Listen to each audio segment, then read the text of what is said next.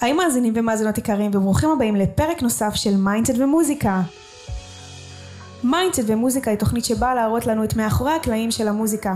מדי שבוע אני מארחת כאן מוזיקאי, נגן, מפיק, זמר, וביחד אנחנו מדברים על הדרך והמסע המוזיקלי שלהם.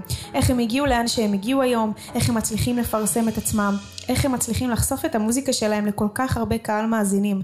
וכמובן אנחנו נרחיב על ה mindset, על המוח והגישה שמנהלת אותנו. נאמן את עצמנו להיות עם אמונה עצמית, נפרק אמונות מגבילות, ונוביל את עצמנו להצלחה.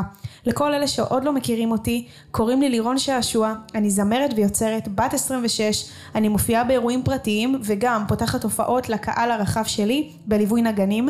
אני בעלת עסק לליווי מוזיקאים, אני עוזרת למוזיקאים להגיע לחשיפה מיטבית ברשתות החברתיות כדי ליצור קהל רחב וכדי שהקהל שלהם יוכל אשכרה להגיע ולקנות כרטיסים להופעות. הקורס מלמד בעצם המון שיטות פרקטיות בעיקר אה, עבודה ולמידה של אסטרטגיה שיווקית לטווח הארוך. אה, יש כל כך הרבה דברים ואני אשמח להרחיב אה, למי שבאמת רוצה ומתעניין. אם אתה זמר ואתה רוצה ככה לחשוף את המוזיקה שלך לכמה שיותר קהל מאזינים ואתה רוצה לפתוח הופעה ואתה לא יודע איך לעשות את זה, אז אתה מוזמן לדבר איתי. כמובן גם את מוזמנת לדבר איתי, אני פונה בלשון זכר אבל אני פונה כאן לכל המוזיקאים באשר הם. זהו, תכתבו לי בפרטי ונוכל לתאם שיחה ומשם נמשיך עם זה. יאללה חברים, צוללים לפרק של השבוע, שתהיה לכם האזנה נעימה.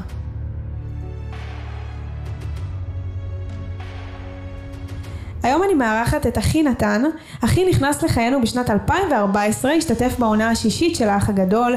מאז הוא הוציא אלינו סינגלים רבים, ביניהם מיליון שאלות, פוחד להיות לבד. הוא פותח הופעות לקהל הרחב ועובר מסע מדהים בקריירה המוזיקלית שלו. היי אחי, תודה שהגעת להתארח, איזה כיף. איזה כיף לי. מה שלומך? אה, אחרי פקקים, כן. אבל אה, הנה עשית לי פה קפה ואני מרגיש טוב, יש לך כזה קול שכיף להתחבר אליו, אז אני בטוב, אני בטוב. איזה יופי. תספר לנו קצת על המוזיקה בעצם, על היצירה, בימים האחרונים אפילו, מה קורה איתך? אני כמו כולם כזה מחלק את החיים ללפני קורונה ואחרי קורונה.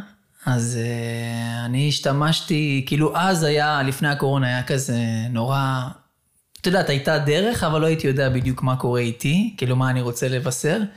ואז בקורונה כזה צללתי פנימה, ופתאום הבנתי שאני לא רק עכשיו uh, עושה שירים, יש, בוא נראה מה יש לי גם להגיד.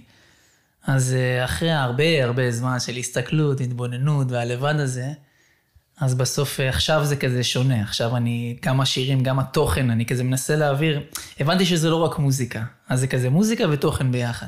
אנחנו נדבר על זה בהמשך, בדיוק, כן. גם ההופעות קיבלו אה, פן כזה של לימודי יותר ולזרוק את מה שאני מרגיש וחושב. וגם השירים ככה נבחרים ברמה הזאת. מדהים. אני רוצה לשאול אותך שאלה שבאמת באופן אישי מעניינת אותי.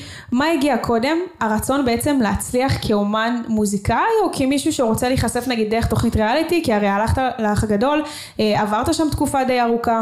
אז כאילו, מה היה הרצון מלכתחילה? אני, אז השאלה תצטרך ללכת קצת לפני. אוקיי. כי מוזיקה, כל המשפחה של אמא שלי היו להקה. מתי? וכל המשפחה של אבא שלי הם חצי מהם זמרים, 아, אה, וכולם וואו. אצלנו מנגנים על משהו ועושים משהו, ואימא שלי גם הייתה להקה צבאית, וזה משהו שאתה נולד איתו. אז בהתחלה, אז לפני האח הגדול, כאילו מי שנכנס לסיפור לעומק, רואה שהאודישנים היו בכלל אקס פקטור ולכוכב הבא, זה היה הכיוון.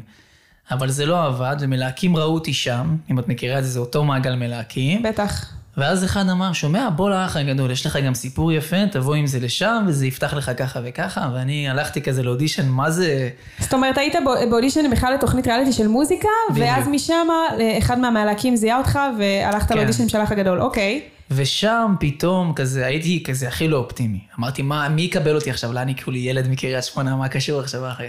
בן כמה היית? 24. אה, וואו, ממש צעיר. לפני שאת יודעת, שהבנתי בכלל מה אני רוצה מעצמי. אז uh, השירים יצאו, התחילו לצאת, המיליון שאלות כבר היה בחוץ, ונכנסתי לבית, כזה במפתיע, עזבי, אני לא אכנס למה קרה באח הגדול, אלא אם כן זה מעניין אותך. ו... וזהו, ואז השיר פרח שם, בתוך התוכנית. על איזה שיר אנחנו מדברים? מיליון שאלות. כי הייתה משימה שהכניסו את הראל מויאל, והוא שר לי אותו, וזה כזה... כשיצאתי החוצה, אז אנשים כבר שרו את זה. כאילו, כל מי שהריץ אותי כזה באח הגדול, זה היה מלווה, אנשים שרו לי. שיר שכתבת והלחנת בכלל לפני התוכנית בלי שום קשר לבית. לכלום, כן, בלי שום קשר לכלום. והוא התפוצץ, כמו שאתם יודעים, היום מי שבתוכנית ריאליטי, אז כל מה שהוא עשה, מתפוצץ לו. לפעמים זה סתם סרטון שהוא אה, צוחק על חברים אמר, שלו בעיה, כן, זה לא כן. משנה, הכל נהיה ויראלי. כן. זה, אנחנו מדברים על תקופה שלפני טיק טוק, לפני story, בדיוק. לפני שאינסטגרם היה לאנשים שמצלמים תמונות כזה, וואי. לא reels וכאלה. אבל זה התפוצץ. אז היוטיוב היה חזק. מממ. עוד לא מימנו את האפליקציה, את הפלטפורמה של היוטיוב. מה שהיה טוב, היה ויראלי, זה היה פשוט ויראלי, אין, לא היה מימון. וזהו, ו... ואז נתן לי לגיטימציה לעשות מוזיקה. אמרתי, רגע, אנשים שומעים שיר, אז בואו נלך על זה עד הסוף. זה היה חלום תמיד, אני מנגן מגיל 10 על גיטרה. ואז אמרתי, טוב, אני עושה אלבום. כולם אמרו לי, עזוב אותך, תוציא סינגלים, מה קורה? אחרי אמרתי, שיצאת מהאח הגדול כן. בעצם, אז תספר לי רגע באמת על הרגע הזה שאתה מבין שוואו, אני הולך עכשיו להוציא איזשהו, להוציא את המוזיקאי שאני החוצה. הרגע הזה זה כשאני יוצא מהאח, כן. ואנשים שואלים אותי, כמה עולה ההופעה? אה, ואם וואו. אתה יכול לבוא לשיר, והייתי מגיע למקומות ורק שר את השיר הזה ומקבל המון כסף, ואמרתי, וואו, זה, זה... תמיד כזה, את יודעת, לא שמתי צעד במוזיקה, כי אמרתי, איפה יש בזה כסף? רציתי ללמוד חינוך, רציתי להיות משהו כזה של אה, קואוצ'ינג. אז, אה, ופתאום ראיתי שזה נותן איזשהו אור לאנשים, אנשים כאילו מתלהבים, אני רואה את הפרצופים בסרטונים שהם שרים את זה ביחד עם ה lip sync, ואמרתי, וואו. ואז אמרתי, די, אני עושה אלבום. אז נכנסתי עם חבר, מאור יצחקי בזמנו, שהיה גר אה, לידי בשכונה, עשיתי הדסטארט, גייסתי משם 60 אלף שקל, כי אני לא מגיע מאיזה בואו בית. נסביר קצת למאזינים באמת מה זה הדסטארט. הדסטארט זאת פלטפורמה שעלתה וירדה במכה, כי היום אנחנו בדור יותר עצמאי, כבר לא צריכים את זה. זה פלטפורמה שבעצם מאפשרת לך להציג את המוצר שלך, כל מוצר אפשרי, לרשת, לבנות סיפור ולעשות קמפיין של כאילו, אה, בואו תתמכו כלכלית במה שאני עושה. גיוס כספים. בדיוק, אבל מראש כזה, זה, ואז יש אה, כזה גיפטים, אתה מקבל, נגיד שנותנים 50 שקלים, אז אתה נותן את האלבום. 100 שקלים זה אלבום פלוס כרטיס להופעה. אה, מגניב. כן, זה לא, יש תמורה, אבל גם. התמורה היא בנפיט שלך, כי זה סביב האומנות. בטח. והמוצרים זה בעצם השירים שאתה... בדיוק. אה, שהיית רוצה כאילו להוציא? כן, זה אלבום. ממש, אלבום. הגדתי את כל מה שכתבתי באותה תקופה, הגדתי, היו 30 שירים, בחרתי וואו. עשרה. כן. אמרתי, אלה העשרה שכרגע הכי מרגשים אותי. כן. ושיש שם גם שיר על אימא שעד היום אני כזה רועד שאני שר אותו בהופעות. וזהו, ופשוט זה עבד. גייסתי שם 60 אלף ועשיתי איתם Mm. וואו. אלבום. כן. איזה יופי. זה קיים גם היום כאילו? אני שמעתי על זה מזמן, אבל מה קורה עם זה היום? האלבום בחוץ. אה, לא, העניין של הגיוס כספים אה, של ה-Head Start. היום אני אגיד לך מה קורה. יש כל כך הרבה כיוונים אחרים לעשות את זה do it yourself כזה, את יודעת, אנשים פותחים היום טיק טוק ונהיים חזקים באינסטגרם. זהו, אותו דבר, כי אם עכשיו בן אדם מאוד מאוד חזק, הרי לא הייתי עושה את זה אם לא הייתי אה, חזק אחרי האח הגדול. לא הייתי עושה דבר כזה. מממ. כי מי ישמע? אוקיי, יש לך הדסטארט ומה? היום אני מכיר, יש לי חברים שה story שלהם הוא כמו מהדורה של שש בחדשות. כאילו, מטורף. אנשים מאוד חזקים, או שכוכבי טיק טוק שבאמת הם מעלים משהו וזה ויראלי. אז אם ב... את מכירה את לירון אופיר למשל? בטח. עכשיו הוא נהיה ויראלי, הוא גם, הוא גם היה באח הגדול, אני מכיר אותו טוב. נכון. ברגע שהוא ראה שהוא fucking ויראלי, אז הוא, הוא עשה קריירה. מזה כן, גם. הוא אומר טוב, יש לי הופעה. אז באותה, באותה נשימה זה יכול להיות, יש לי אה, קהל, אני אעשה הדסטארט. אבל למה לעשות הדסטארט? מממ. יש לך פלטפורמות חברתיות כל כך גדולות ו- למה וטובות. ה distance הזה בכלל? למה האתר? הנה, אני פונה אליכם. גם זה, ה personal הזה, האישי, אני פונה אליכם, תעזרו לי. כמה אנשים את מכירה שמשחררים שיר ואומרים לקהל, בבקשה תעזרו לי. תשתפו, תעבירו כן, הלאה." תעזרו לי. הנה, אני, אני, והם הם חושפים, פעם היה פחד כזה. היית רוצה לשדר עסקים. אז היום זה לא ככה, היום זה, חבר'ה, הוצאתי שיר, אין לי כסף, אין לי קהל, תעזרו. וזה, זה, הכל התהפך, כל הרעיון. אז זה אותו דבר. מהמם, וקודם כל בכללי אני חייבת להגיד שאני רואה אותך באמת הרבה ברשתות החברתיות, אם זה טיק טוק, אם זה אינסטגרם, אתה ממש קודם כל מעלה תכנים של קודם כל שעצמך כ- כפרסונה, כאדם, האופי שלך, וגם אתה משלב כל מיני כתיבות שאתה ככה מוציא לאור, אה, וקאברים ושירים שלך, וזה יפה, כאילו הכוח האמיתי, כמו שאמרת, הטיק טוק היום יש לו המון כאילו חשיפה, תספר לי קצת בעצם על היצירה של הדברים, של התוכן. כי, כי זה לא רק להיות זמר ומוזיקאי ברור, היום. ברור, ברור. היום אני מסתכל על זה ככה. מה באת לעשות? מה באת לעשות? אם באת להיות כוכב, תהיה כוכב. אם באת לשנות משהו, תשנה משהו. אם באת לקחת את המוזיקה. אני פשוט משתמש בצינור. אני לוקח השראה מהחיים, כותב עם זה שיר, והשיר אמור לתת השראה החוצה, וההתנהגות של אנשים שתיתן לי שוב השראה, וזה מעגל שלא ייגמר לעולם. זה הדלק שלי. אם באתי להיות כוכב, ואני לא אהיה כוכב, מהר מאוד יימאס לי מזה. אז אני תמיד אמרתי לעצמי, רגע, למה אני צריך, הרי התהליך של כתיבת שיר הוא מלווה, בעול, את מכירה את זה. מה אני כותב, אה, מה אני עושה, מה המסר שלי מהשיר הזה, מה, מה המסר שלי בכלל לחיים, מה עברתי, הרי זה מה שאני עובר. אני נותן לכם כותרות למצב שכולכם עברתם, ונותן לכם שפה יותר פשוטה, יותר פואטית, יותר קומוניקטיבית, שאתם תבינו גם באיזה, באיזה מצב אתם נמצאים, זה הרעיון. אז אמרתי, יש עוד כלים לעשות את זה. וגם אם אנשים לא יתחברו אליי, לאישיות, בעולם שכולו זמרים היום, מה מייחד אותי בעצם? אז אני רוצה לתת להם, בואו תראו גם מה אני חושב, מה ה mindset שלי. אז לקחתי, נגיד עכשיו אני כותב שיר, יש לי שיר שקוראים לו לילה טוב, שהוא יצא בקרוב, שהוא מדבר על נגיד, על קטע כזה שהנשים מאוד חזקות, אף אחד לא שואל אותן, מה איתך, מה קורה, והם תמיד כזה נכנסו ל, לאישיות כזאת שהיא תמיד עוזרת לכולם ומחבקת את כולם, אבל מי מחבק אותה? Mm. אז כתבתי על זה איזשהו טקסט גם להגיד אותו, והעליתי על זה סרטון. אז הרעיון הוא בסוף שהכל יסתנכרן. Mm-hmm. אז גם אם שמת לב, אצלי באינסטגרם יש ממש עמודות היום. נכון, זה, זה כבר... מסודר ממש יפה, ב... גם אסתטי מאוד לעין, אז זה, זה גם מושך. זה ממש, זה גם ה-OCD התסביכי הזה שלי, אבל גם אמרתי לך שאחרי הקורונה ניסיתי להבין מה אני. אז מה שאני כרגע ברשת, זה שלושת העמודות האלה. אני, אני אכתוב לכם, אני אסכם לכם רגעים במילים, mm. אני אראה לכם מי אני, סקיצות שלי, הכל בחוץ, הופעות שלי, תמונות שלי, גם אם צריך להשוויץ ולפלרטט עם הקהל, אני אעשה גם את זה. וגם המיני פודקאסט הזה שנקרא שמתי לב, שזה השם של האלבום, דרך אגב, mm-hmm. שבעצם אני מספר לכם רק מה שאני חוויתי. לא, אני, לא, אני לא מנסה לקחת דברים וכזה לספר איזה קלישאה. מה שאני עברתי, בכתוב... מה, ביצירה של האלבום גם בעצם? ביצ... גם ביצירה וגם בחיים שלי, מה שקורה לי, כי זה הכל. כאילו, מוזיקה זה לא משהו שאתה עושה תחביב. את יודעת מה זה, אתה חי את זה. נכון. אני מתקלח, זה מוזיקה בראש. Mm-hmm. אני קם, זה מוזיקה בראש. זה תמיד מה אני רוצה להגיד, מה אני רוצה לשיר. מה זה המיני פודקאסט הזה שאמרת? מה זאת אומרת? זה במקום, אני תמיד אמור... איילייט כזה? כאילו סטורים קצרים ואתה... אם, אם שמת לב, יש לי סרטונים כאלה שעולים, שאני כזה הכי נוכח, אני עם מיקרופון, מסתכל בעיניים ומדבר. אה, נכון, נכון. אז מבחינתי אני קורא לזה מיני פודקאסט. Mm. זה לא חייב להיות כאילו ביחד עם מישהו. יש אנשים שממש עושים מזה אפיסודס, ואני מכיר אנשים שעשו מזה פלייליסט, והם שומעים את זה, כן. חזק. שומעים את זה כאילו זה מנטרה כזאת. אתה מדבר שם, אתה שר שם? מדבר. מדבר. זה רק שיחות כאלה. וכל מה ש... שם איזשהו מנגינה כזה, ואז בעצם מריץ על זה. אז זהו, שזה קטע. תמיד הייתה מנגינה, ואז אמרתי, רגע, למה שהמנגינה לא, לא תהיה שיר שלי? בטח. ופתאום, נגיד השיר פוחד להיות לבד, את גם, אני גם תמיד אומר לך, כי את בטוח מכירה את זה, לפעמים אתה משחרר שיר, ולא קורה איתו מה שחשבת שיקרה איתו. ואז אתה חושב שאולי הזמן שלו מת, mm-hmm. אני צריכה משהו חדש. ופתאום הבנתי שזה כזה אה, שגוי לחשוב ככה. אז לקחתי את השיר, אמנם הוא יצא לפני כמה חודשים, ועכשיו שחיברתי אותו לסרטונים, פתאום עוד אנשים לו, מגלים אותו. נתת לו חיות, חיים זהו, כזה. זהו, חלק מ... עכשיו, אנשים, תראי, זה ויראלי, יש לי סרטונים שכבר הגיעו ל-200 אלף צפיות. וואו. ה... בדבר הזה, אז, והם שומעים את השיר ברקע, זה 200 אלף אנשים. שנחשפו לשיר שלך. מספיק חמישה אחוז מתוך ה-100 אלף שישמעו עכשיו את השיר, זה עוד מאזינים ועוד יפה. מאזינים. אני אוהבת גם להגיד שבכללי שאני גם מוציאה סינגלים, אז אני תמיד לוקחת איזושהי שורה או שתי שורות כאלה מאוד חזקות, ועל זה בעצם עושה סרטון שקשור למשפט. אם למשל השיר האחרון שהוצאתי נקרא שלמה עם הלבד, יש שם אה, בעצם אה, אה, משפט מהשיר שאומר, אה, הכעס שסחבתי על עצמי שנים הפך למנגינות וגם המון שירים.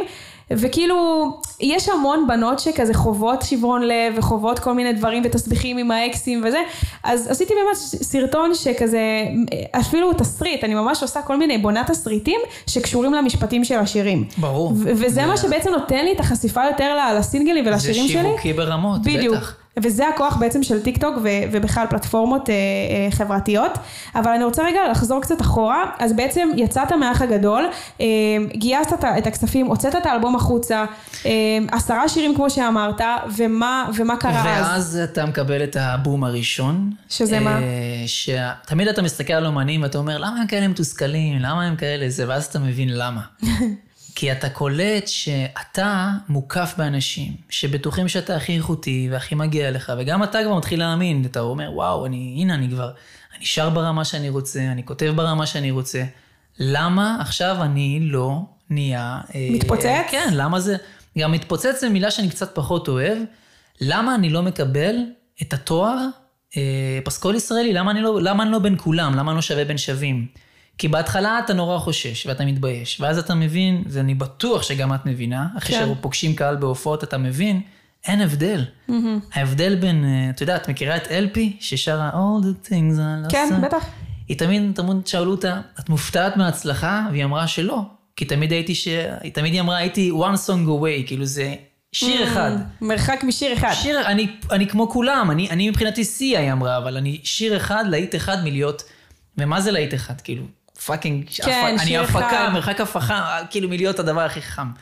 אז אתה, אז מה קורה שאחרי האלבום אתה כאילו, כל הציפיות יורדות לקרשים. זה תופס, אין בעיה, אבל אתה רוצה שזה ייגע בעוד אנשים, ואתה רוצה להיות, להיות מחובק בפלטפורמות. אם זה משהו צהוב, גיא פינס חדשות הבידור, אם זה משהו שהוא פלטפורמה של רדיו, גלגלצ. אז זהו, אתה מגדיר לנו פה בעצם את ה... את ההצלחה במרכאות של, של מוזיקה היום בארץ, בעצם כן. להגיע לתחנות רדיו, אה, להגיע לגיא פינס, להגיע לכל מיני כתבות אה, מסוימות ככה בטלוויזיה, זה בעצם מבחינתך כזה היה נחשב עם, כאילו כהצלחה. היה, היה. אז, אז בתקופה שלי גם, כן. אני יצרתי מוזיקה. וזה לא קרה, אני מניחה. זה קרה. זה קרה? הרדיו חיבק, אבל התחנות שהן אה, משמעותיות לא חיבקו. סתם דוגמה, רדיו ירושלים, רדיו תל אביב. גלגלצ. אה, לא, חוץ מגלגלצ, לא. הכל קרה. אה, אוקיי. עזבי, אה, מה שאני חושב על תרבות הפלייליסט האליטיסטית הזאת, זה משהו שאני עושה לי לפעמים בחילות, איך שהם עובדים. זה לא, זה לא רעיון טוב, זה תחרות כבר לא בריאה. זה לא נכון איך שהם עובדים, אני כבר ירד לי ה... מה, איך שהם בוחרים, לא הבנתי, מה... תרבות הפלייליסט זה, זו שפה מאוד אליטיסטית לרדיו. רדיו אמור להגיע, לתת צ'אנס, בסך הכל פלטפורמה שמעבירה את המידע, הקהל יחליט מה קורה. בתקופות עברו, אנשים יש היו... להם סינונים, כאילו הם עושים ממש איזשהו... אה, מה זה סינון? זה אפילו, הוא מאוד מושפע מ... אם אני מחלק את זה לפירמידה של אחוזים, כן. אז נגיד אם פעם היה 50-50, אז אה, כישרון מול אה, סיכויים. כן. אז היה 50-50. היום נשאר, אחרי שהם ישדרו את הטרנד, ואחרי שהם ישדרו מה שעובד, ואחרי שהם ישדרו את מי שכבר עובד, ואחרי שהם ישדרו את מה שנראה להם לנכון, כאילו אחרי כל הזה נשאר אולי 3% לאנשים ש... שלא מוכרים. ייתנו להם סיכוי לסיפורי סינדרלה, זה כבר לא קיים בגלגלצ. עכשיו, אני מצד אחד מאשים אותם, מצד אחד לא מאשים אותם, כי מנהל הרדיו רוצה להרוויח, והוא לא יכול... רוצה רייטינג לתוכנית שלו? בדיוק, גם הוא יודע שהעולם היום, בן אדם נכנס לרכב, עד שהוא יגיע לגלגלצ, יש לו את הפלייליסט, את היוטיוב, את הספוטיפיי, את האפל מיוזיק, אז עד שכבר ישים גלגלצ, אז מנהל הרדיו אומר, בוא נשים משהו שכבר עובד, שלא יעזוב אותי באותו רגע. נקודה כי- יפה. לא, זה ככה עובד, אני... אוקיי. אני כל הזמן חוקר את זה ומדבר עם אנשי תקשורת, ויש מישהו שפעם היה אחראי על הפלייליסט גלגלצ, שהוא שכן שלי מ... די. מהצפון, והיום הוא, אה, הוא עושה את זה ב-MTV. והוא סיפר לי כמה לחץ יש עליהם, זה Mm. כבר לא כמו פעם. אה, גם כשאת שומעת ששדרנים כזה דלית וכאלה, שאת חושבת שהם באמת מנהלים את הרשימת השמעה, זה ממש, ממש, גם הם אנוסים, וזה בעיה. ואז אתה מבין בתור אומן, אז שוב אני חוזר אחורה, אז האלבום יצא, ואתה מבין מה הפלטפורמות, ואתה מבין מה שם אותך במקום, אתה רואה שקשה, ואז אתה מחפש דרכים יצירתיות אחרות. אני ישר קופץ כאילו כמה שנים קדימה. כן. כי אתה, יש תקופה שאתה מנסה, אתה שולח, אתה מוציא לינקטונים, ומחפש יחצנים, ומשלם סתם למנהלים, וסתם לאנשים, וסתם לכוכבים שיופיעו לך בקליפים, סתם, אתה סתם עושה דברים שהם לא נכונים, אתה רק מאבד את עצמך. אבל זה גם מצד שני זה טוב, כי פעלת ועשית ולא. הפסקת וישבת בבית ואמרת, לא אם, לא, אם לא הצלחתי או אם לא הגעתי לכל מיני אנשים ברדיו וכאלה, אז אני מפסיק. אבל מה שיפה פה זה שבעצם ניסית וירית לכמה כיוונים. כן, אין לך כן, רתה. בדיוק, זה- כי כל פעולה מלמדת אותך, ו... וזה לא נגמר לגמרי. גם אף פעם, המטרות שלנו והיעדים שלנו וההצלחות שלנו. בגלל זה גם חשוב לי להנגיש את השיחה פה על הדרך שלך, וגם כל אומן שמגיע לכאן, אני שואלת אותם, קודם כל, איך עשיתם את זה, איך הגעתם לזה?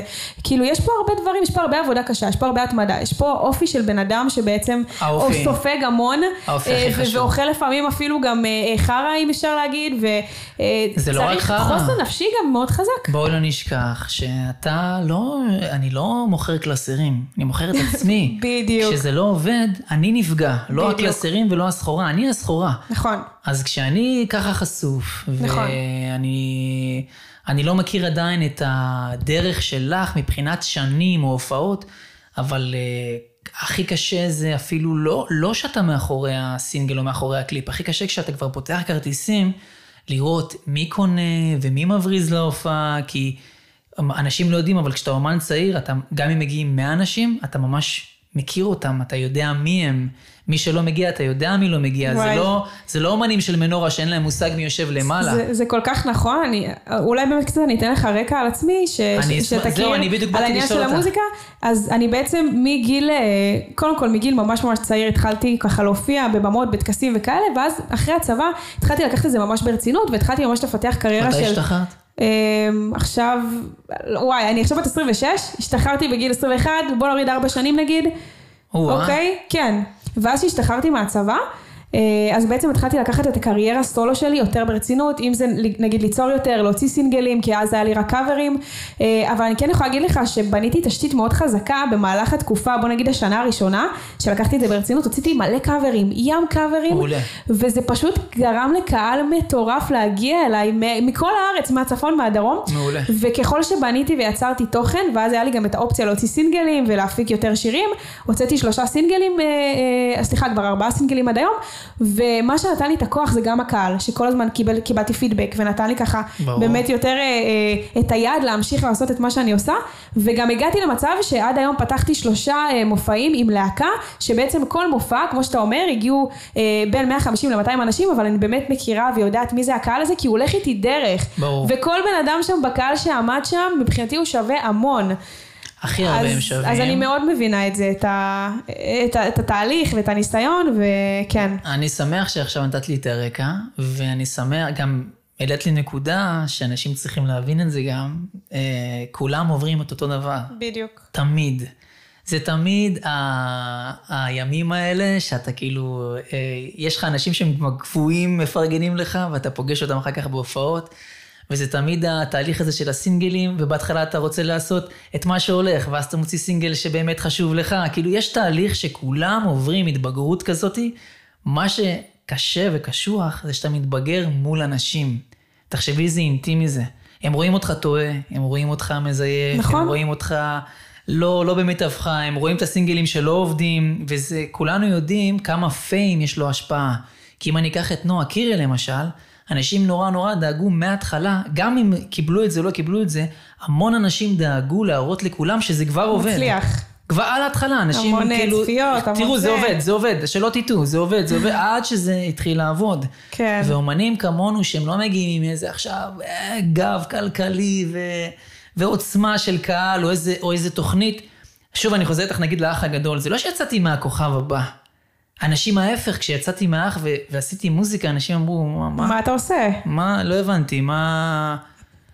אנשים, אני זוכר מישהו אמר לי, זה משפט שאני לא אשכח, אני לא יודע למה הוא תקוע לי בראש, הוא אומר לי, מה אתה תום קשתי? מישהו שאל אותי, אמרתי, ואז, ולא הבנתי אפילו מה הקשר.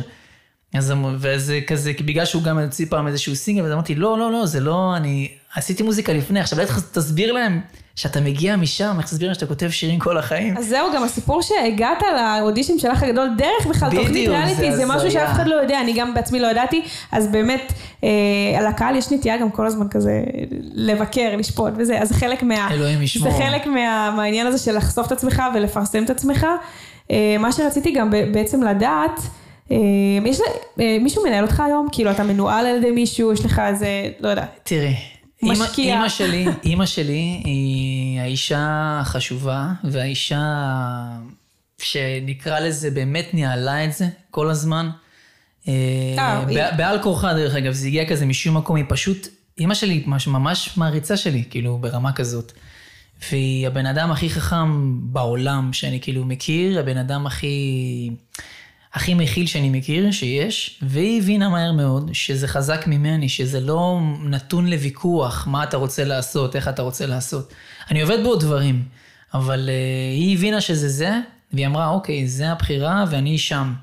אז היא מהר מאוד נתנה לי את המקום הנוח הזה, שהיא אמרה לי, תקשיב, אם זה עניין כלכלי, אז אני אעזור איפה שאני יכולה, וזה, את יודעת איזה דבר זה. זה, מאוד. זה, זה, כאילו שמישהו רק נותן לך אפילו חצי מהסכום, זה אלוהים ישמור. וכל דבר, כל ההצעות, והופעתי במיליון מקומות, כאילו עזבי את ההופעות, כל הדברים שמזמינים אותי, כל מיני דברים, הנה נגיד שבוע הבא יש לי טקס עם רמטכ"ל ומי יודע מה, והיא מנהלת את זה, את כל ה... עד היום? כן, כל הזמן היא מנהלת את זה. אבל היו תקופות שהשתמשתי בנגיד אה, יחצנים שקצת ינהלו, או אנשים שמאוד מאוד תמכו בי, נתתי להם את החצי שנה לראות אם הם יכולים לנהל את זה. יש לי פחד גדול, פוביה מסוכנים, מנהלים, אני לא אוהב את זה. יש לי וואו. התנסות רעה, אני לא אציין כנ"ל. שמות. אחרי האח הגדול מישהו ניסה לקחת אותי, התנסות רעה, זה לא עובד. מה בעצם היחצנים האלה עשו אז, בתקופה הזאת? אני הבנתי שאנשים, אה, מכירה שאומרים אתה צריך בן אדם אחד שיאמין בך בעולם כן. הזה? אם בן אדם לא יושב איתך ומרביץ לעצמו בראש, כי הוא לא מבין למה אתה לא כוכב, אם זה לא כזה, הוא לא יכול לנהל אותך ולא יכול להיות סוכן שלך, בטח לא בן אדם שתשלם לו כסף. זה הרמה. הוא חייב לשבת בבית, ובדיוק כמוך, כאילו התפצלת לשתיים, ולגרד את הפרצוף, את זה הרבה איך יותר ממך. ההוא- כאילו, איך אתה לא הכי טוב? הוא צריך לאהוב את מה שאתה עושה באות, באותה רמה, אם לא יותר ממך. הוא צריך להאמין בך אפילו קצת יותר ממך, כן. כדי באמת לעשות את השינוי. חוץ מזה, אני לא מאמין בכלום. כל השאר זה דברים שקורים לבד. אנשים חושבים, מכירים את הסיפור בסוף. אנשים שומעים על פאר טסי, מכירים את הסיפור מהסוף. אנשים שומעים על אה, הוד- הודיה, מכירים את הסיפור מהסוף. הכל הם מכירים ברגע שהם הם הכירו איזה את עופר מנחם, או איזה יחצן, או איזה רוברטו, זה לא התחיל הם משם. לא יודעים מה הם עברו לפני רוב זה. האנשים בנו כבר את הקהל, הם התפוצצו, קרה שם משהו, ומגיע הסוכן ואסף המינוף. אותם. בדיוק, אסף אותם על הדרך. אז היום, וזה אני אומר לך משיחה שלי אישית עם עידן חביב, שהוא סיפר לי שכשהוא ישב עם אנשים, הם רק הורידו לו את הביטחון, שהוא ניסה לחפש סוכנים ומנהלים וכאלה, וההתחלה שלו הייתה בכוחות עצמו. Mm. ואז הוא הגיע לחתום בתנאים שלו. יפה. אז זה כבר משהו אחר. הוא בא עם כוח. כוח מטורף. והוא נכשל המון, המון המון אחרי כאילו שיתופי פעולה אדירים. את יודעת, יש את השיר הזה בלילה בלילה שהוא עשה עם עידן רייכל. ואנשים חושבים שזה עידן רייכל שר שם. יואו. זה עידן חביב. והוא עשה את השיר הזה, וגם אז הוא עוד לא היה לו הופעות ולא היה לו כלום. הוא עשה דברים גדולים. שתביני, כאילו הגיע עם השיר הזה ולא רצו להחתים אותו. כאילו, וואי, נשמע שיש לו סיפור מעניין, אתה חייב להביא אותו לפודקאסט להתארח. עידן היום במקום שהוא כבר, את יודעת, אה, הייתה תקופה שהוא היה גר בשער יישוב, זה לידי, כאילו היינו... אה, הוא גם מהצפון במקור. הוא לא מהצפון במקור, אבל הוא עשה, הוא היה נווד תקופה. הוא היה יפה. גר בכל מיני מקומות, שזה משהו שאני מאחל לעצמי לעשות. וואי, איך זה מפתח זה, זה גם יציאה מאזור נוחות, זה. יצירתיות, זה חופש. אני מאחל לך, באמת, שיהיה לך תקופה בחיים. נשמע חלום. באמת, אני יכול גם להמליץ, להמליץ לך על מקום, הייתי ממליץ לך על דרום רמת הגולן, זה אזור שמשקיף על הכנרת מהצד השני. וואו. לא טבריה, מהצד השני, שזה כן. מקום שיפתח לך, את תכתבי ארבעה מה זה אלבומים. תצפית כזאתי? טירוף, זה ציר כזה מאפיק עד מבוא חמה. כפר חרוב, זה מקום שאנשים לא מכירים בארץ. אני אומר לך, מעט מאוד אנשים מכירים. כי את הגולן מכירים את החרמון, נווה עתיב, אה, עין זיוון, זה המקומות שמכירים. כן. יש את דרום רמת הגולן שהוא קצת יותר מוזנח, אבל הרבה יותר יפה. אז זה מקום לגור בו. עכשיו יש לי ידידה שעברה לשם מנתניה עכשיו, שהיא יואו. אומרת לי, אלוהים ישמור, כאילו איפה אני איזה יופי. נשמע אז, מדהים. אמ, אוקיי, אז כרגע היום אתה, בעצם אימא שלך כביכול עוזרת לך, לא- לא לא. הייתי אומרת מנהלת, פשוט היא שמה לתמיכה ולגב. כן, אני- אני מנהל את עצמי, וזה סופר כאילו. חשוב, אתה מנהל את עצמך. לגמרי. ושאמרת שאתה כזה, יצא לך לעבוד איזה חצי שנה עם יחצנים, מה מה התפקיד שלהם בעצם? מה הם עושים? אה, זה אנשים ש... מקשרים אותך? מספרים לך בהתחלה, אה, ואני לא מאשים אותם, זה לא מגיע מנוכלות. הם מספרים לך שאתה צריך מישהו שמכיר מישהו, וזה נראה הרבה יותר יפה כלפי התחנות, אה, שיחצן מביא השיר, ובלה בלה בלה. עבדתי עם אנשים קצת פחות מוצלחים, עבדתי עם מישהי מדהימה בשם שירי רווה, שהיא עד היום חברה כאילו טובה. אה, הם, רגע, בוא נגדיר שנייה, יחצן בעצם מקשר את המוזיקה שלך לתחנות רדיו. לטלוויזיה. הוא אה, המתווך, ומה שהוא נותן לך זה בעצם אה, קשרים ומק, ומקום יותר ידידותי כלפי הפלטפורמות האלה. כי בינינו, אם אתה מגיע היום ומתקשר לה, להפקה של רשת 13, אז הם כזה מי אתה מה אתה, אבל כשיחצן שלפני שנייה סגר את ישי לוי לתוכנית בוקר, אז הוא יכול להגיד, הבנתי. ויש לי גם את אחי נתן, אז אתה משתמש לא סתם בגשר, אתה משתמש בגשר פעיל. זה לא לה, להקים גשר חדש. יש גשר פעיל, כן. אתה מצטרף לשם. אתה מצטרף למיילים, אתה מצטרף למשהו שהוא עובד באופן טבעי. אז אה, זה עולה כסף. אה, כסף שהיום אנשים גם לא יודעים את זה, שפעם בן אדם היה מפיק שיר ושם זה היה נגמר, הוא היה שם אותו ביוטיוב ושלום על ישראל. כן, היום. היום אתה מפיק שיר, ואיפה הקליפ? עזבי שההפקות עלו כאילו מ-5 ל-6 אלף, להיום ל-15 ו-16 אלף. נכון. אז היום אתה צריך אה, גם תקציב, לממן להוציא. את השיר, וקליפ לשיר, ואחר כך אתה צריך לממן את, ה, את הכלים מסביב, ומה עם לנסוע, ולעשות חזרות, ואני מנהל את המופעים לבד, מה עם כל זה? וואי, מזדהה עם זה מאוד.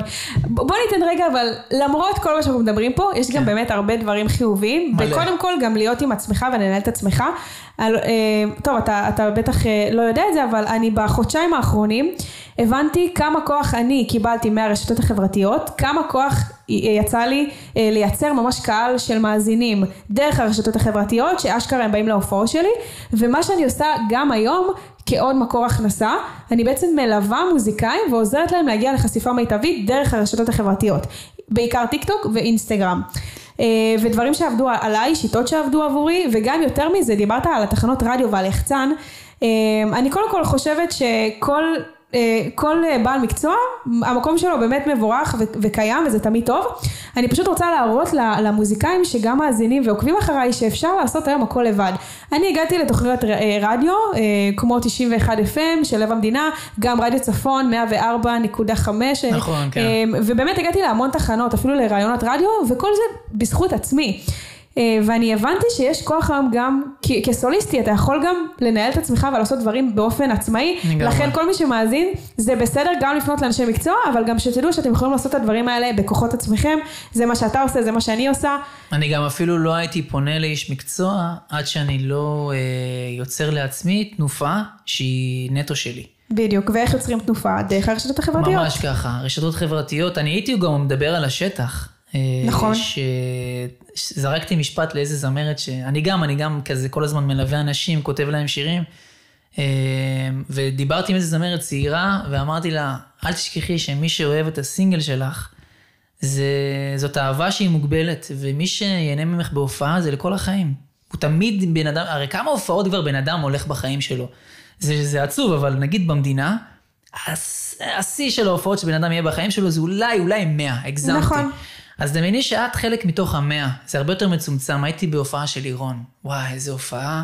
זה לא כמו שמעתי את הסינגל והתאהבתי. בטח. זו חוויה אחרת לגמרי. בטח, הדבקת להם עדף ממך, זה נדבק על הצורה, ובכלל, אם יש לך גם מה להגיד, ושינית להם אותו באותו ערב, כמו סרט, כמו שאתה רואה סרט טוב, זה מבחינתי אותו דבר. אני גם דואגת לשלב באמת קטעי- קט- קטעי מעבר, מדברת על לי, עצמי, זה ברור לי. נותנת קצת כזה ערך על הדרך, אה, מספרת על איך בכלל עושים את מה שעושים, באמת, זה סופר חשוב, זה לא רק באמת גם המוזיקה, אני חושבת שגם די מתאהבים באופי שלנו כבני אדם, ואז משם אנחנו ברור. יוצרים אמון, יוצר, יוצרים מערכת יחסים עם, ה, עם, ה, עם הקהל שלנו, ומשם זה מתקדם הלאה. בוא נדבר קצת על הופעות בעצם, מה, מה קורה איתך?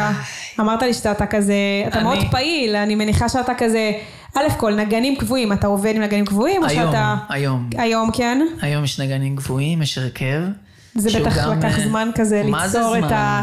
אני כל כך מזדהה עם זה, כיום כאילו, אני נגיד אין לי כרגע אה, נגנים קבועים, ההופעה האחרונה שעשיתי היו ארבעה נגנים, אבל זה לגמרי תהליך רק למצוא שנייה את ההרכב שלך ולהיות, כי זה משפחה, זה חברים בסוף. זה... וואו. יש לי כאילו מיליון דברים להגיד על זה, לא יודע איפה להתחיל. מבחינת... אוקיי, וואו.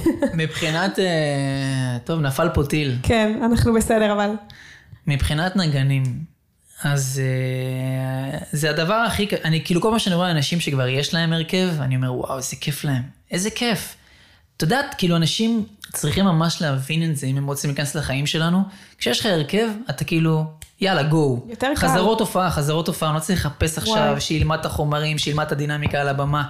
כי בסוף אני עולה לבמה, ויש לי כאילו פעם אחת בערב הזה להראות לכם מי אני, ואם אני לא אשב שם עם חברים, זה לא יעבוד. זה לא יכול סתם להיות נגנים, אלא אם כן, עכשיו שוב, רגע, אני חייב להתאפס.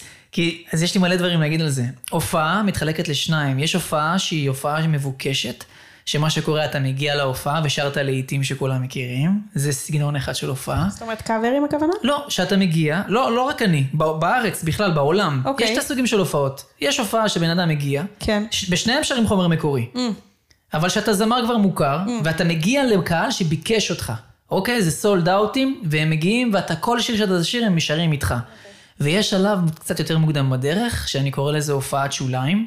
אתה מגיע, והם מכירים שיר, שניים, אולי יש קהל חדש, אתה צריך כאילו עדיין לשכנע אותו ולראות מי אתה. זה שני סוגי מופעים שונים לגמרי. כשאתה בא, כשאתה בא, זה גם הרבה יותר בפן ההתרגשותי, כאילו. כשאתה בא ואתה יודע, כולם מכירים פה את הלעיתים וזה, מה שנשאר לך זה לדפוק את ההופעה. זהו, אתה בא ואתה הולך ואתה רץ ותשאירו אתם ואני אשאיר, יש דינמיקה אחרת. ויש דינמיקה שהיא יותר מלחמתית, שאתה... יותר של המתחילים הייתי אומרת, נכון? כן. בתחילת הדרך. נקרא לזה מתחילים, ופשוט בשלב הזה אתה חייב לייצר לפחות משהו אחד שיש לו בסיס, וזה, זה אני והנגנים, כאילו. כי הקהל רוצה לראות משהו שלם על הבמה. אז, אז כן, אז זה קשה, ולפתוח מופעים זה דבר סופר קשה. במיוחד שאני למשל גר בצפון, אז כל האופרציה הזאת היא קורית מהצפון, אני צריך כאילו עכשיו, נגיד אני מופיע בבית היוצר, אז אני צריך להכין את זה, כאילו אני צריך כל פעם לנסוע לחזרות, להגיע אתה למקום. מופיע בתל אביב בעיקר, במרכז? אני הופעתי נראה לי בכל מקום מרכזי בארץ, Mm. כזה, סתם שתביני, הייתה לי הופעה בפרדס חנה נגיד, כאילו, Mm. פשוט היה תקופה שכאילו איפה שהיה אפשר הייתי הולך להופיע, ממש. צריך גם לדעת בעצם איפה הקהל שלנו גר, צריך נכון? להגיד, להבין איפה הקהל ואיזה מקומות עובדים בצורה הוגנת עם אומנים שעדיין לא פרצו, ואיפה כאילו לראות, להיות קשיבים לקהל מבחינת ביקוש, מבחינת גם המקום, הסאונד נכון. משרת אותי, זה המקום מכיל את ההרכב שלי, לא מכיל, זה הסגנון שלי, כי יש למשל מקומות, יום אחד הופעתי, אני לא זוכר, בספרייה ברחובות למשל, הגעתי להופיע, וכל מי שהיה לפניי היה זמר מזרחי. וכשהגעתי להופעה זה היה אה. כזה, הרגשתי שאני לא שייך לשם, לא שייך הרגשתי שהקהל לקהל. כזה, מה? אני, אני סבבה, הכל טוב, שילמו לי וזה, אבל היה גם חשוב לי לראות שהקהל תופס את המוזיקה שאני מגיע, וכולם כזה הסתכלו עליי מוזר, וראיתי שהקהל זה לא בדיוק מה שאני רגיל כן. אליו, אז אתה, קשה מאוד למצוא את המקומות, אבל אז אתה, אתה פתאום לומד כאילו ניסוי וטעייה, והיום אני כבר יודע איפה אני רוצה להופיע, ויש מקומות שאני מעדיף לך, כמו עכשיו, אני מעדיף לחכות רגע ולא לעשות כלום, לחכות למועד יותר טוב, מאשר סתם ליצור הופעה שתוריד לי אחר כך את המורל, אני רוצה שזה יהיה טוב. מתי ההופעה האחרונה שלך הייתה ואיפה? בבית היוצר עשינו, ממש עכשיו בסוף הקיץ, בחודש 11, לא אוקיי. זוכר את התאריך.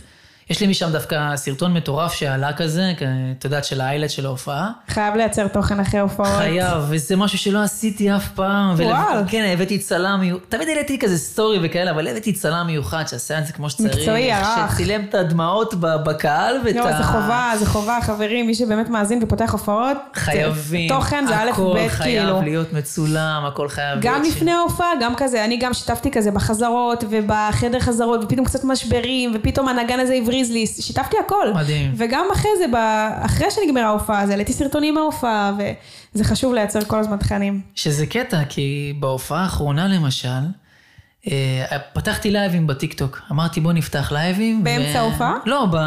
לפני כזה. אה. ואז אמרתי, טוב, אני פותח לייבים. אנשים יתרגלו ללייבים, אבל תוך כדי אני אזמין אנשים להופעה. אה, באתי לשאול אותך באמת על השיווק של ההופעות. נגיד עכשיו. בית היוצר, איך שיווקת את ההופעה אז הזו? יש לך את החבר'ה שלך, שהם כזה מגיעים תמיד מהאינסטגרם, פייסבוק וזה, ויש אנשים שאתה צריך כאילו אה, להגיע אליהם. Mm. אז יש כמובן אה, פרסום ממומן שאתה יכול לעשות ודברים כאלה, אבל אני מצאתי את השיטה של זה לא הלייבים. תמיד עובד האמת, אתה יודע? זה... עליי זה לא עבד. תתפלאי, תתפלאי, זה...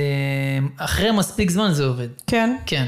אני אוקיי. זוכר, הייתה לי, אפילו פה בראשון לציון, הייתה לי הופעה, סליחה, בבלה צ'או, מכירה את המקום כן. הזה? עשיתי הופעה, זה היה פעם ראשונה בראשון, ועשיתי פרסום ממומן ב- Mm. בראשון.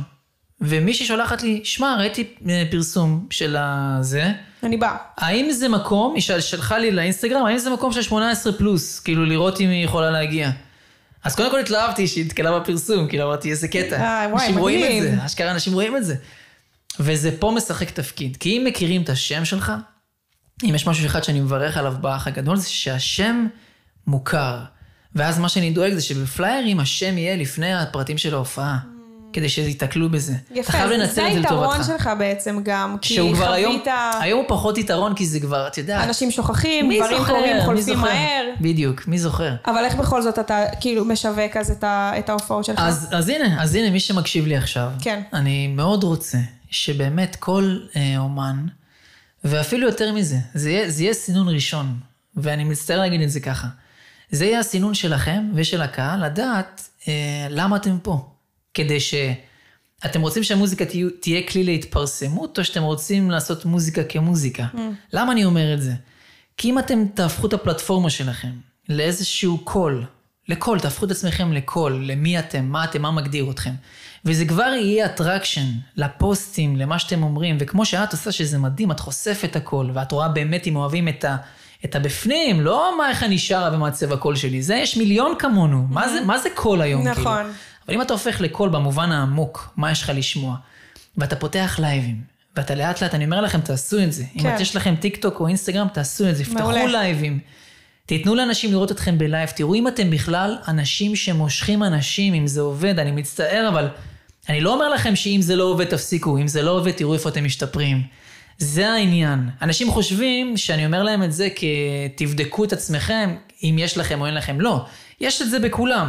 אבל תראו אם יש לכם איפה להשתפר ואיך אתם משפרים. וככה אם אתם יעבוד לכם הלייבים, ואתם תמגנטו בפוסטים, בלייבים, בקאברים, בס- בסגנון הזה, אתם תבינו, כי אחר כך מה זה שווה אם תהיו נגיד מפורסמים והשירים שלכם יעבדו? אחר כך אנשים יגיעו להופעה, ומה קורה עכשיו? את יודעת כמה אנשים אני מכיר שיש להם ארבעה, חמישה שירים בגלגלצ, אבל הם לא הולך להם. כי צריך יותר מזה. מה, הם, הם לא מופיעים הכוונה? לא מופיעים, לא אוהבים אותם. לא ממנפים את זה. לא אוהבים אותם, לא מעריכים אותם, אבל יש להם שירים בגלגלצ. יואו, איזה, איזה קטע מטורף. זה לא, מה זה נותן? עכשיו בואי נשאל אותך שאלה אחרת. אם אתה לא עומד בסטרס, אם אתה לא עומד ברמת הביקורת, איך תעמוד בהצלחה? Mm, בגלל זה הרבה אנשים שנוסעים, זמרים מתחילים שנוסעים בסטרס של לא להצליח, כן. זה רק מכין אותם לסטרס של מה זה להצליח באמת. זה הפחד האמיתי. לאבד. עכשיו את עוד לא מאבדת כלום. עכשיו שזה יהיה לך ב- בידיים, את כבר עומדת לאבד. אז אני, הטיפ שלי, גם כשאתם משווקים הופעות, את לא מאמינה, אני ממש הגעתי ל sold out. וואו, איזה כיף. מהלייבים בטיקטוק, קהל חדש לגמרי. הרי את יודעת איך זה עובד בטיקטוק, זה for you, זה לא, נכון, זה לא זה עוקבים מתפשט. שלך. כן, אני יש לי עכשיו בטיקטוק אה, 30 אלף עוקבים, כשאני פותח לייב, חצי מהם לא קשורים לעוקבים, זה אנשים ש... האלגוריתם כזה מזהה כן, בום, ונכנסים. בום, ואז אני אומר להם, אני כזה תופס גיטרה, מחפש את השיר שעוד לא יצא, הכי יפה שאני מרגיש שעכשיו זה הזמן שלו, מנגן איזה שיר, וואו, איזה יופי. אה, אתם רוצים לשמוע חומר מקורי? אני עושה הופעה בככה וככה. והם מגיעים, ומה שקרה, אני פוגש אותם, כי אני תמיד בכל הופעה, אני הולך פוגש, מצטלם, כאילו מה. שצריך. אני פוגש, אומרים לי, שומע, אני פה מהטיקטוק. מהטיקטוק, כן, זה מדהים, זה... טירוף, זה טירוף. איזה יופי. אני ממש אה, בעד, ואחלה טיפים באמת. אה, בכללי, אז רגע, היית באיזושהי תוכנית ריאליטי של מוזיקה מאז, או שלא תשמעי, קרה? אני לא, לא היה יודעת. משהו מוזר, היה משהו מוזר. כי כן. כשיצאתי מהאח, ממש בריאיון סיכום הזה, אסי עזר מגיש אליי את המיקרופון ואומר לי, תשאיר. אני יודע שאתה הלכת, היית באודישן לכוכב הבא, והוא היה אז מנחה בכוכב. עד היום הוא מנחה שם, כן. והוא אמר לי, תבוא לאודישן בכוכב הבא. כאילו, איך שנגמר האח הגדול, היה, אה, זה אמרתי לו, אני מצטער אסי, אני לא, לא מסוגל כרגע. נפשית. מי שלא גם מכיר אותי, שידע, אני, זה לפעמים נראה כאילו הכל טוב ויפה, אבל אני בן אדם שחי כל יום עם, עם כדור טניס של חרדה, שיושב לי ככה כמה אה, סנטימטרים ליד הלב, אני כל היום עם התרגשויות וחרדות, ואני מתכווץ ונפתח כל הזמן. כל הזמן זה אני עובר תהליכים, ואני פשוט מדבר עם עצמי וחוזר, מדבר עם עצמי, זה כל וואו. הזמן קורה לי. זה אנשים שהם רגישים, מי ששומע אותי עכשיו, ישר הוא מזדהה. אני אפילו לא צריך להסביר לו את זה. אני כל עונה שהיא מתחלפת, משהו קורה לי, זה אני אני לא... מזדהה עם זה.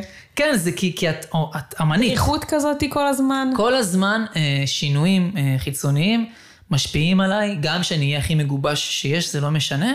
אני פשוט, וזה טבעי. אני כי- אומרת הפוך, שינויים פנימיים משפיעים על השינויים בחוץ. כי אני תמיד חושבת שהכל כזה מתחיל אצלנו ונגמר אצלנו, התחושות, המחשבות, הדברים. אז לא, כשנדבר על החוץ, אז נדבר עכשיו, נגיד, אם אני בקומפורט זון שלי ואני עכשיו בבית, אה, ואין אוקיי. שינוי, אז אני, הכל סבבה. אבל עכשיו. אומרים, עכשיו יש לי הופעה, משהו קורה, משהו קורה מבחוץ, אני משנה את הממד. את האזור נוחות. אז כשאני משנה, אז זה קורה. עכשיו, אה, רגע, על מה דיברנו? אז דיברנו על תוכנית ריאליטי, אה, ואז בעצם... אז הוא אמר לי תבוא, הוא אמר לי תגיע, ואמרתי לו זה קשה לי, אני כולי, תן לי להתנקות מהחוויה. בדיוק יצאתי אחרי 107 יום באח הגדול. יצאתי החוצה, חכה שנייה. אז לעונה ההיא לא הגעתי, אבל לעונה אחרי הוא התקשר אליי שוב. אה, וואו. הייתי כזה, זה כבר אסי היה כאילו אלוהים ישמור, אז אני כזה, הלו? אחי זה אסי, מה? מה? שומע, תבוא השנה לכוכב הבא, אני מתחייב שאתה מגיע למבחן אה, מסך ישר. אוקיי. אמרתי לו, זה כבר נשמע מעניין, אני יכול לשיר שיר שלי? בטח, אוקיי. ואני מדבר איתך על תקופה שאני עדיין לא, כאילו, חיה על במה. איזה שנה זה היה? 2000 כמעט 16? אה, 15 וקצת. אה, אוקיי. ואני עדיין לא יודע, כאילו, אני עדיין כשיש אנשים, אין לי רוק בפה, אני נאטם, בתקופות האלה שאתה כאילו לא יודע לנתב התרגשות. הגעתי ישר למבחן מסך, עזבי, אני לא אקצר את התהליכים, אני מתיישב שם עם הגיטרה, וזה הכל נראה, ואת בטוח מבינה מה אני אומר, הכל נראה גדול עליי. כן. אני מרגיש נמלה. אני מרגיש מסכן, בשופטים יושבים מוקי, אסף אמדורסקי, קרן פלס, הראל סקעת, ואני, fuck, מה אני עושה פה? בש... אני אומר לך, אני שנייה לפני שאני צריך לשיר, ואני, מה אני עושה כאן? למה אני פה בעצם? מגיע לי בכלל להיות פה? תופס את הגיטרה, אמרתי, טוב, זה עכשיו הכל או כלום, אני יוצא לדרך. זורק את השיר, אני אומר, זורק את השיר החוצה. טעות שלי. אני ממש כזה אה, נאבק בלשיר את השיר הזה, את מיליון שאלות זה היה אז, והמסך לא עלה. Mm, ואז אני מתחילים להתלבט, כי מוקי עוד לא הצביע, ואני, אם הוא מצביע אז המסך עולה. וואו. כי הקהל כן אהב אותי. כן. והוא אהב ששרתי משהו שהם מכירים, כי השיר כבר היה בחוץ. Mm. והוא נתן לי הזדמנות, והמסך עלה. אבל מה שאנשים לא ידעו, זה שאחרי זה כן. היה עוד אודישן, שהגענו לאיזה גינה כזאת, ושרנו שם עוד פעם, ואני באתי שוב עם שיר מקורי, שזו הייתה הטעות שלי, ושם לא עברתי, וזה Mm. לא היה מצולם אפילו. ואז ישר הגיעה הנבחרת, ואני לא הייתי שם, וכזה כולם אמרו לי, מה זה? איפה אתה? כן, אבל אבל סיפור, כן, תהליך כאילו לגמרי במוזיקה. פה בעצם סיימתי, סופית, עם תוכניות מוזיקה. Mm. שהשנה, אם את זוכרת, ניב דמירל, שהוא חבר כאילו כמו אח, הוא הגיע ואמרתי לו, מה אתה אמיתי? הוא לא סיפר לאף אחד, הוא לא אמר לאף אחד שהוא עושה את זה, ואמרתי, מה אתה... ואז כאילו אמרתי, רגע, זה, זה דווקא טוב, כאילו, אבל מתי זה טוב שאתה כבר fucking בשל, כמו אליאב, כן. כמו אנשים שמגיעים לשיר עכשיו, אה, שהם כבר חוו את השטח, חוו את ההופעות, הם יודעים כזה. שהם באים להופיע, לא באים להיבחן. או, ניב. בא להופיע. יפה. זה משהו יש, אחר יש לגמרי, הבדל, תראי לגמרי. בעניין של. מילה. אנשים שמגיעים להופיע בכוכב. הבא, אני אומר להם לכו. אל. תבואו להיבחן. אה, אוקיי. טוב, אנחנו כזה כמה דקות לקראת סיום, אני אשמח מה, לשמוע זהו, ממך. נגמר? כן, וואי, וואי, שיחה מרתקת מאוד, באמת. אה, רציתי לשאול אותך באמת, מה, מה החלום שלך? כאילו, לאן אתה מכוון להמשך? יש הרבה חלומות, אבל כזה תן לי קצת כמה נקודות בפן המוזיקלי, לאן אתה מכוון? אני רוצה להופיע באמפי שוני, מדהים. בצורה כזאת שאני לא חושב יותר מדי, שאני יודע שכשאני פותח הופעה אז כולם מגיעים. לא רוצה מנורות, לא רוצה כמה קיסר. קהל זה בעצם באמפי אלף. שוני? אלף, אוקיי. עכשיו, פעם דודה שלי שאלה אותי, דיברנו על אה, איזה כוכ- כוכב בארץ, שאני לא אנקוב בשמו, ואמרתי לה שאני לא כזה מעריך אותו, אבל הוא עושה מנורות ועניינים וזה. אז אה, היא אמרה לי, אתה לא רוצה כמוהו? אז אמרתי לה, את יודעת משהו? יש לי תשובה בשבילך. אני רוצה להגיע למצב שאני אופיע איפה שהקהל שלי יכול להכיל את עצמו. אם הקהל שלי יהיה מספיק גדול ויבקש אותי במנורה, אני מגיע לשם, אבל זה לא התכנון, לא שלי. אם באמת אני אוכל להכניס קהל במנורה, והם ירצו מנורה, אני אעשה להם. יפה. אבל זה לא השאיפה שלי, כאילו, שאני יושבים פה ואני אומר לך, החלום שלי זה באמת למלא את אמפי שוני, לפחות פעמיים בשנה, מדהים. כשהאחיינית שלי בחדר אומנים מחכה לי, ואני איזה יודע כיף. שכל שניה אני יכול להביא אותה לבמה להגיד לה, תראי, דוד שלך פה, וכל אלה באו ושרים איזה איתי ביחד. כיף. זה החלום המוזיקלי. מבחינת חיים, אני באמת מאחל לעצמי להיות כל הזמן, בצ... ב... להרגיש כוח. להרגיש כוח, לעשות, לנוע, לעמוד מול אנשים, זהו, ל- ל- לעזור לאנשים, להיות בצד הזה של הכוח. זהו, וואו. זה מה שאני מאחל לעצמי. אושר זה לא משהו שהוא אמיתי, הוא לא קיים, אושר הוא פה כשאתה רוצה, לא כש... זה גם רגעים קטנים כאלה. זה סביר, זה גם, לא- זה לא עניין של רגעים. כשהוא פה אתה, אני יכול לשכנע אותך עכשיו, בדקה שאנחנו מדברים, שאת מאושרת, בשנייה. כן. גם אם את תגורי ברחוב. זה לא עניין של, לא צריך לרדוף אחרי אושר, זה, אנחנו צריכים לרדוף אחרי לחיות, להרגיש את הכל. לבכות, להיות, להיפגע, הכל, זה לא מרדף. מה שכן, אני רודף אחרי כוח. אני מה- רודף, מה- מה זאת אומרת כוח? אני רוצה אנרגיה. אני אה, רוצה את ה... אנרגיה. אני גם מאמין שבן אדם כשהוא יוצא החוצה מהבית להתמודד עם דברים, זה הכל עניין של כמה, עם כמה כוח הוא יוצא מהבית. לא. מדהים. ב- בעניין של אני חזק. כן, אגרסיביות. כמה ההורים שלך שמו לך ביטחון, כמה אתה היית מספיק זמן לבד במערה הזאת כדי לצאת ולהגיד, אני לא צריך פה אף אחד כי הלבד שלי הוא מדהים, ברמה הזאת. וואו, יפה. אני חושבת שלא יכולתי לסיים את זה יותר טוב מהמשפט הזה שאמרת. אה, טיפ אחרון ככה, באמת לתת למאזינים, למוזיקאים שבינינו שרוצים ככה... תוודאו שלא משנה כמה מוזיקה אתם עושים, שתהיו כאילו אה, שמחים לא רק ברשת, גם בחיים שלכם. או, לא משנה כמה מוזיקה, שיהיה לכם משהו שמח בחיים בלי קשר לרצון להצליח. תהיו כבר שמחים בלי, לפני התמונות, לפני הסטורי. כל ה... לשדר עסקים בסטורי ובאינסטגרם שהכל הפיד יהיה יפה זה משהו אחד, זה מדהים, אבל תהיו שמחים גם במציאות. מהמם. אחי נתן, תודה רבה שהגעת, שמחתי מאוד. שמחתי אני גם, זה כיף פה. איזה פרק מדהים היה לנו, תודה רבה לכל מי שהאזין. חברים, מוזיקאים יקרים שלי, אני מאוד מקווה שאתם מוצאים ערך בפודקאסט ושאתם ככה חושבים ואפילו כותבים לכם כל מיני הערות חשובות. אני, אני בעצמי לומדת כאן כל פעם מחדש מכל אומן שמגיע, אז uh, תודה רבה לכם שהייתם איתנו, וכמובן אני אגיד שאם אהבתם את הפרק, אז בבקשה תשתפו, בואו בוא ניצור קהילה ענקית של מוזיקאים, בואו נעזור אחד לשני, ובאמת uh, ככה נשתף ונעביר את זה הלאה.